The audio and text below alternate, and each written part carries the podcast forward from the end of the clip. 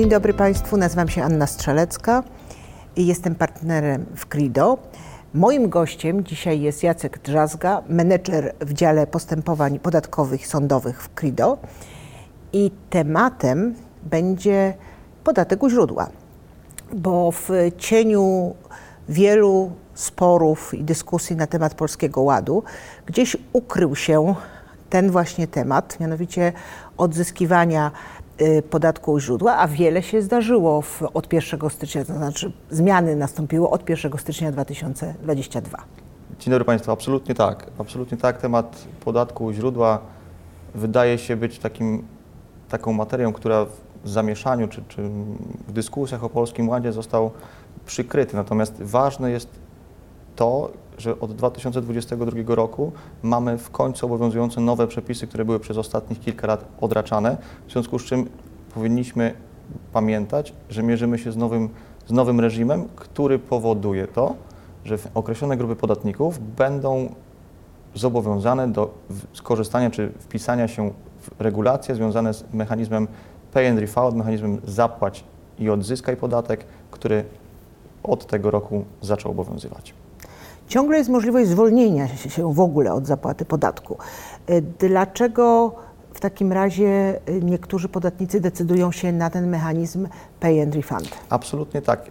Dalej mamy narzędzia, które pozwalają nam uniknąć obowiązku zapłaty podatku. Mamy tu możliwość wystąpienia o opinię o możliwości stosowania preferencji, czy też złożenie oświadczenia determinującego okoliczność taką, która powoduje brak obowiązku zapłaty podatku, ale są to procedury, które raz wymagają czasu, dwa technicznie bywają wymagające.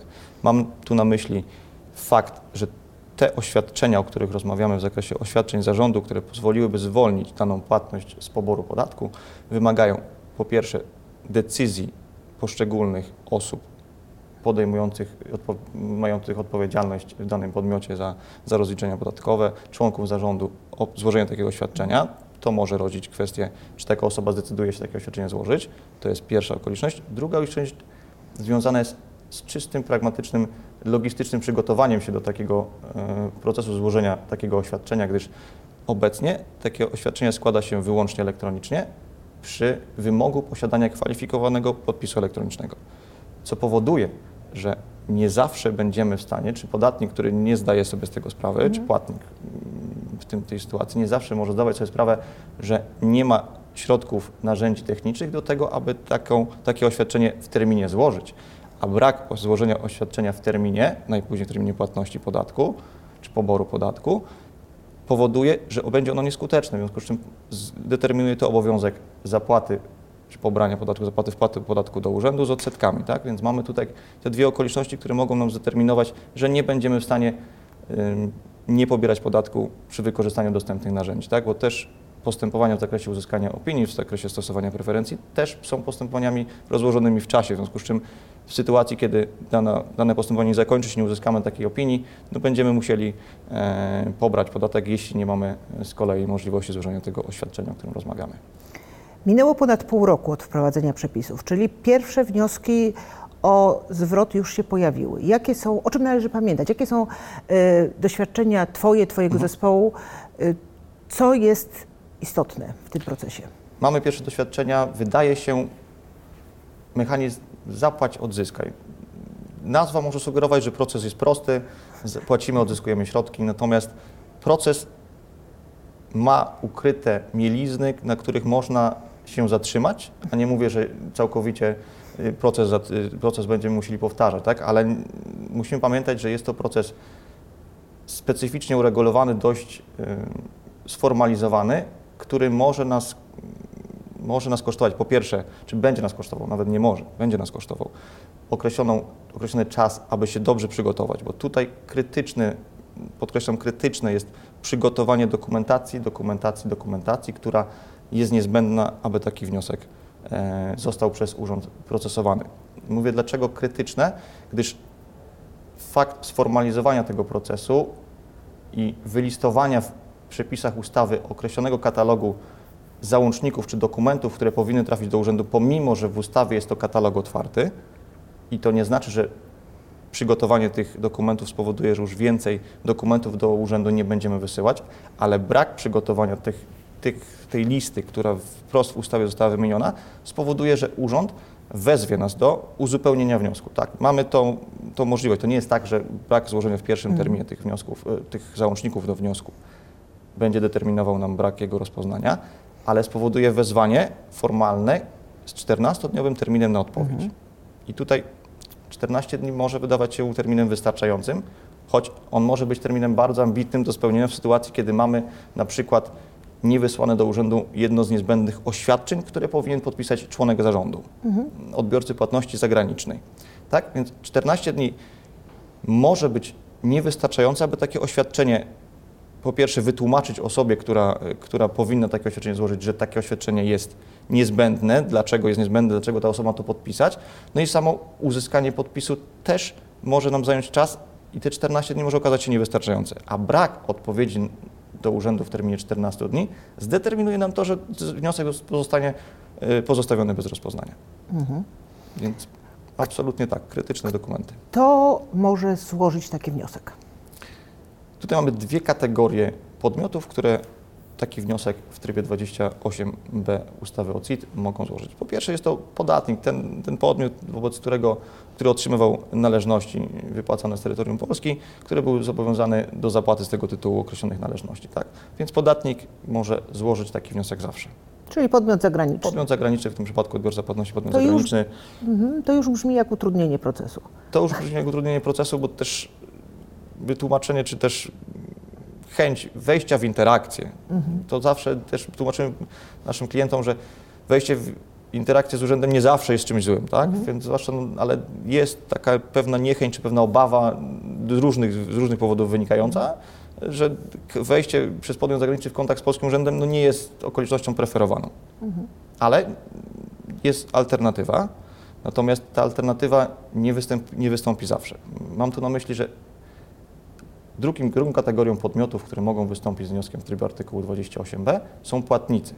Ale nie w każdej sytuacji, to chcę bardzo wyraźnie podkreślić, tylko w takiej sytuacji, gdy płatnik, polski tutaj podmiot, poniósł ciężar ekonomiczny podatku.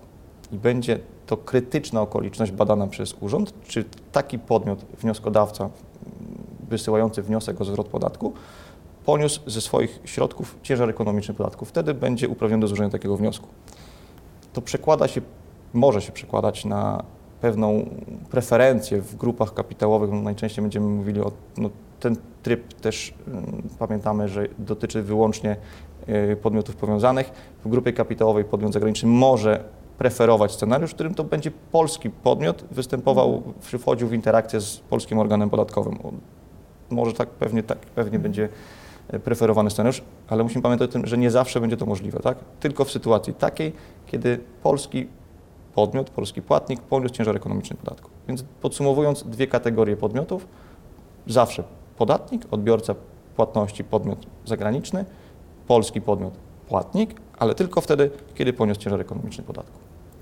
Kolejne pytanie, jak ten wniosek jest składany? I tu się zresztą przewijał taki wątek w tym, co mówiłeś, że e, może e, sam sposób składania wniosku może być trudny dla podmiotów zagranicznych. Absolutnie tak. To jest też okoliczność, którą bardzo wyraźnie należy podkreślić. Te postępowanie, te postępowanie w trybie artykułu 28b ustawy o CIT, o którym rozmawiamy, jest postępowaniem prowadzonym wyłącznie elektronicznie. I co należy przez to rozumieć? Bo tak kategoria wydaje się no, pozytywny. Okoliczność, że Tak. nie będziemy wymieniać się z organem Jesteśmy stosem, innowacyjni. Stosem, stosem dokumentów. Owszem, tak, będziemy, będziemy działać elektronicznie, to wygodne. Tak? Tak. Nasze drukarki będą mogły w tym zakresie odpocząć, ale wiąże się to ze specyficznym trybem elektronicznej wymiany informacji pomiędzy wnioskodawcą a organem skarbowym. Wyłącznie za pośrednictwem ta specyficzna procedura będzie możliwa do procesowania wyłącznie przy wykorzystaniu takiej platformy e-deklaracje udostępnionej przez Ministerstwo Finansów. Wyłącznie w ten sposób będzie można skutecznie doręczyć mm, i zainicjować tego ten rodzaj postępowania mm, w komunikacji z urzędem w Lublinie. E, I wydaje się te, te, to o tyle zaskakujące, że wcześniej też komunikacja pułap, platformę pułap, też komunikacja elektroniczna z organami działała, działała, działała bardzo dobrze w wszelkiego innego rodzaju postępowaniach i wymiany informacji mhm. z organami podatkowymi, ale to nie będzie wystarczające, czy to nie będzie skuteczny e, droga do złożenia tego wniosku, wyłącznie e, bramka czy, czy e-deklaracje mhm. i podpis. Ważny też po raz kolejny tutaj również wykorzystujemy wyłącznie kwalifikowany podpis elektroniczny, tak? Tylko te, te narzędzia, więc z perspektywy podmiotu zagranicznego może to nie być w pierwszym kroku proste przejście przez y, taką bramkę. No, mieliśmy sami w pierwszy, przy, składaniu pierwszych wniosków E, kilka prób, aby skutecznie taką, e, taki wniosek do urzędu dostarczyć, więc nie jest to takie oczywiste w pierwszym kroku, zwłaszcza dla podmiotu zagranicznego, przejście przez taką bramkę, w ogóle zainstalowanie oprogramowania niezbędnego do, e, do podpisania tych dokumentów i do wysyłki do, do urzędów może być, może być kłopotliwe. Tak, ten termin 14-dniowy, o którym mówiłeś, może być zwłaszcza trudny do, tak, do trzymania w takiej sytuacji. Dokładnie tak, dokładnie tak. A jeśli chodzi o sam, samą zawartość tego wniosku, mhm. samą treść, załącznika, Jak to wygląda? W tym zakresie korzystamy z, to też jest pewne, pewne utrudnienie, czy pewna, pewne wyzwanie po prostu. To, to oczywiście jest wszystko do, do rozwiązania, po odpowiednim przygotowaniu się przy wsparciu osób, które miał, mają doświadczenie już w tym mhm. zakresie, jak taki wniosek przygotować. Natomiast przygotowujemy dokumenty poniekąd wydaje się takie już, które osoby, które zajmują się podatkiem źródła mają dobrze, dobrze znane certyfikat rezydencji, potwierdzenie płatności, oświadczenie odbiorcy płatności w zakresie mhm. e, ich statusu, e, bycia rzeczywistym odbiorcą tych płatności, e, podatnikiem w kraju siedziby, e, dokumenty, które w ogóle wygenerowały nam obowiązek e, płatności, tak, czyli umowa, w oparciu o którą e, przesyłamy środki za granicę. Ten katalog właściwie krytycznym chyba będą te oświadczenia ze strony mm, zarządu, ale wydaje się, że sam katalog dla osób zajmujących się podatkiem od źródła nie będzie bardzo dużym wyzwaniem, jeśli chodzi o gromadzenie, natomiast trzeba pamiętać i dobrze zweryfikować, czy mamy komplet dokumentów akurat wymaganych w tym, w tym postępowaniu. Bo inaczej będzie to skutkować przedłużeniem tego postępowania, Na tak? pewno przedłużeniem, na pewno tym, tym, tym, dodatkowym wezwaniem, a jeśli będzie to dokument, którym nie będziemy w stanie w ciągu tych jak wspomnianych 14 dni przedstawić, no będziemy zaczynać cały proces od nowa, tak? Więc, więc to, to jest e, dokumentacja, dokumentacja, dokumentacja krytyczna. Fakt, że y, tak jak kilkakrotnie tutaj podkreślaliśmy, y, uczestnikiem tego postępowania jest podmiot zagraniczny, y, powoduje, że mm, prawdopodobnie często potrzebują podatnicy wsparcia. Po, czy mógłbyś przybliżyć, co robi Wasz zespół, jak pomaga klientom? Mhm. Tak? Co można mhm. zrobić, żeby ten proces był w miarę mm, no, skuteczny po pierwsze, ale też taki niebolesny dla klienta? Jak najbardziej. To z naszej perspektywy staramy się, taka nasza, nasza, nasza taka dewiza takiej proaktywności już od samego początku procesu. To znaczy w sytuacji, kiedy też nie ma uniwersalnej recepty na tego typu wniosek. Bo musimy pamiętać, że podatek u źródła dotyczy różnych strumieni płatności. W zależności od okoliczności źródła strumienia płatności, który determinuje nam pobranie podatku, określone okoliczności czy określone fakty, inaczej będziemy dokumentować, innych, innych źródeł dokumentacyjnych, materiałów będziemy korzystać. W związku z czym każdorazowo podchodzimy indywidualnie do, do sytuacji klienta, badamy strumienie, badamy z jakich e, płatności został pobrany podatek, tak aby jak najlepiej przygotować się z dokumentami, które pozwolą urzędowi zrozumieć ten strumień, mhm. zrozumieć specyfikę odbiorcy, relacji pomiędzy odbiorcą a polskim płatnikiem czy podmiotem, który wypłaca środki, tak aby już zrozumienie struktury organizacyjnej grupy, w której płatności zostały dokonywane, było prostsze. To taka pierwsza rzecz, którą gromadzimy takie informacje, które mogą się wydawać y, dla podatnika oczywiste i, i po co informować urząd o pewnych, pewnych kwestiach, ale pewne zarysowanie całości działalności grupy, czy, czy tych istotnych, oczywiście może nie całości, ale tych istotnych elementów działalności grupy z mhm. perspektywy akurat tego postępowania, bywa krytyczne dla odbioru wniosku, odbioru od samej, całej sytuacji, w której podatek został pobrany i kwestii oceny, czy zwrot jest należny. Bo co to dodatkowo robimy? W pewnych sytuacjach wątpliwych, czy takich, których nie mamy pewności, czy określone dokumenty będą krytyczne, czy będą potrzebne, też naszą taką, naszą taką wartością dodaną, którą w, w naszym, naszym, naszych usługach e, klientom dajemy, jest też to, że ba, bazując na naszym doświadczeniu, po pierwsze możemy już wiedzieć upfront, co mhm. może w takim określonym krytycznym momencie być potrzebne, ale też rozmawiamy z urzędem w kontekście takich teoretycznych założeń i wniosku, który pozwala nam przygotować się lepiej i wyjaśnić już na samym początku z urzędem pewne wątpliwości co do procesu, tak aby go usprawnić później i przyspieszyć i ograniczyć liczbę wezwań e, w samym toku procesu. Mówisz o urzędzie. Jak oceniasz y, centra, znaczy centralizację, przeniesienie tego całego procesu do jednego urzędu, urzędu w Lublinie? To wydaje się absolutnie pozytywny, bardzo dobry ruch ze strony e, administracji e, skarbowej i Ministerstwa Finansów. Spe, tak jak wspomniałem, specyfika podatku u źródła, kompleksowość i, i, i skomplikowanie struktur występujących transgranicznie pomiędzy, pomiędzy podmiotami jest wymagające. To absolutnie bez dwóch zdań jest okoliczność, która wymaga po stronie organu skarbowego wyspecjalizowania dużej wiedzy, zrozumienia procesów też biznesowych, aby usprawnić wszelkie kontakty pomiędzy mm, podatnikiem, mhm. płatnikiem a urzędem, ale też usprawnić sam proces zwrotowy. Tak, lepsze zrozumienie po stronie urzędu zdecydowanie przyspiesza y, i ogranicza często dyskusję o, o, o fundamentach, mhm. które, które dla urzędu, który no nie zna specyfiki pewnego rodzaju działalności, czy nie zna specyfiki e, takich transakcji międzynarodowych, wymaga to więcej czasu zrozumienia tłumaczenia, przekłada, przekłada się na cenny dla wszystkich czas postępowania. Urząd Lublinie w tym zakresie posiada bardzo dużą wiedzę. To jest zdecydowanie ta specjalizacja ruchem dobrym. No oczywiście z drugiej strony można spojrzeć że to jest tylko jeden urząd na cały kraj. Tak, to jest okoliczność, która będzie, będziemy teraz bacznie obserwować to, jak przełoży się to na, na sprawność działania organu, no bo to jest też, nie oszukujmy się, jeden urząd z określoną liczbą pracowników, z określonymi mocami przerobowymi, a kwestii będzie pewnie coraz więcej do adresowania w tym urzędzie, więc to, to jest pewne ryzyko związane z działalnością tego urzędu, ale wydaje się, że należy tą zmianę jednoznacznie ocenić pozytywnie. Mhm. Jak rozumiem, urząd ma określony czas na rozstrzygnięcie tej sprawy. Tak. Zdecydowanie jest e, termin, który ustawa wskazuje jako sześciomiesięczny termin załatwienia takiego wniosku. I tutaj wydaje się to okresem absolutnie z perspektywy pełnomocnika czy podatnika biznesu, 6 miesięcy to jest, to jest szmat czasu. Wydaje się, że przez taki, przez taki czas, czy taki tyle miesięcy... Kilka razy wrócą. Y, powinni, tak, co, powinni co najmniej kilka razy już nam y, środki zwrócić. Tak?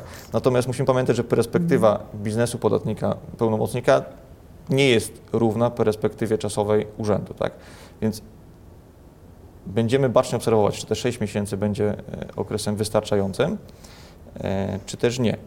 Pewnym elementem mobilizującym e, urząd jest fakt, że brak rozwiązania czy załatwienia sprawy w terminie 6 miesięcy i przedłużenie, bo jest dopuszczalna taka sytuacja, że urząd przedłuży ten termin, bo uzna, że nie był w stanie przeanalizować wniosku, uznać zwrot za zasadny czy też nie, będzie takie przedłużenie, to po 6 miesiącach będzie nam należna od kwoty zwracanego czy dochodzonego dochodu z rogu opłata prolongacyjna w wysokości połowy odsetek od zaległości podatkowych, więc jest to pewna okoliczność czy mobilizująca e, urząd, urząd Skarbowy, natomiast jak szybko się uda załatwiać te sprawy, ciężko prognozować. To ta kwestia wspomniana ograniczonych mocy Urzędu w Lublinie może być krytyczna.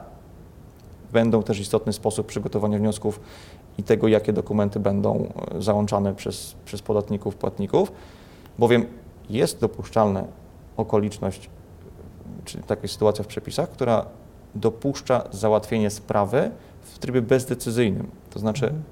urząd nie musi wydać decyzji w zakresie zwrotu, jeśli uzna wniosek za niebudzący wątpliwości i wtedy dokonuje zwrotu środków. Więc jest taka sytuacja, więc to też jest okoliczność, którą warto pamiętać, że krytycznie istotne jest przygotowanie się do złożenia wniosku i dobre od razu go udokumentowanie, bo też podatnicy mogą mieć taki pomysł, co też w pewnych okolicznościach może być zasadne, ale to trzeba ocenić każdorazowo, że złożyć powiedzmy wniosek, zainicjować postępowanie, a potem doślemy dokumenty. Może tak w niektórych przypadkach i być to zasadne, ale to trzeba dobrze zanalizować w kontekście tych ograniczeń związanych z formalizowaniem tego procesu, o którym rozmawiamy i też tego, jak szybko urząd będzie naszą sprawę analizował w sytuacji, kiedy będzie musiał uzupełniać, czy będzie czekał na dokumenty, tak? W sytuacji, kiedy dostanie od razu komplet dokumentów, wydaje się, że szanse na to, że zostanie sprawa załatwiona szybciej są większe niż kiedy wniosek będzie niekompletny, trafi na półkę wniosków do uzupełnienia. To zupełnie inna yy, potem kategoria rozpatrywania wniosków wewnętrznie w urzędzie pewnie. Bardzo dziękuję. Myślę, że warto będzie się za kilka miesięcy spotkać i poproszę Cię wtedy, żebyś podzielił się tymi Waszymi pierwszymi praktycznymi doświadczeniami, właśnie jak, y, jak ten wyspecjalizowany urząd radzi sobie ze zwrotami. Jak najbardziej będzie mi bardzo miło. Dziękuję również za rozmowę. Bardzo dziękuję. Dziękuję Państwu.